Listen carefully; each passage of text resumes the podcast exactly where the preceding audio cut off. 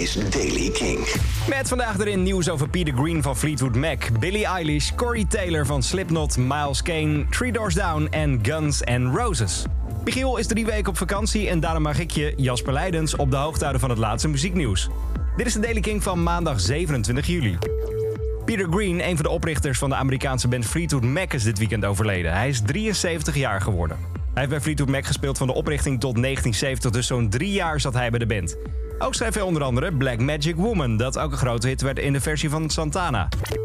Er komt deze week nieuwe muziek van Billie Eilish.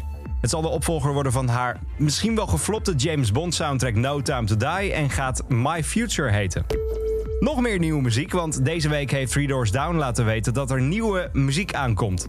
Het wordt de eerste single sinds 2016 en het gaat Wicked Man heten.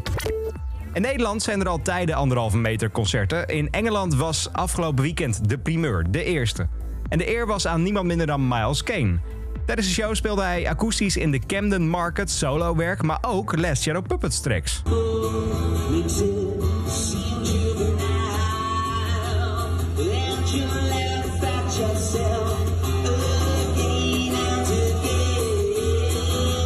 Achteraf vertelde hij hoe het spelen was voor mensen met mondkapjes en hij vond het onwerkelijk alsof het een aflevering van de X-Men was. Met de tweet Are You Ready? New Music July 29th. CMFT heeft Corey Taylor van Slipknot deze week zijn nieuwe album aangekondigd. Hij vertelde in de tweet daarbij ook dat hij aan het opnemen was voor een nieuwe videoclip.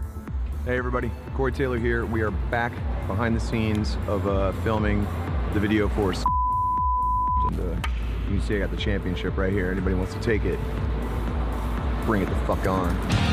Een nieuwe songtitel is nog niet bekend, maar het nieuwe project gaat waarschijnlijk Corey Motherfucking Taylor heten. En de gitarist van Stone Sour doet ook mee.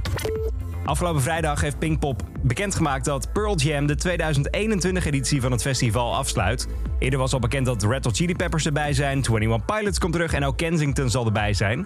Maar ook slecht nieuws, want het festival liet ook weten in het persbericht dat Guns N' Roses er volgend jaar niet bij is. Nog steeds geen festivalshow van Axl Rose en Slash dus in Nederland.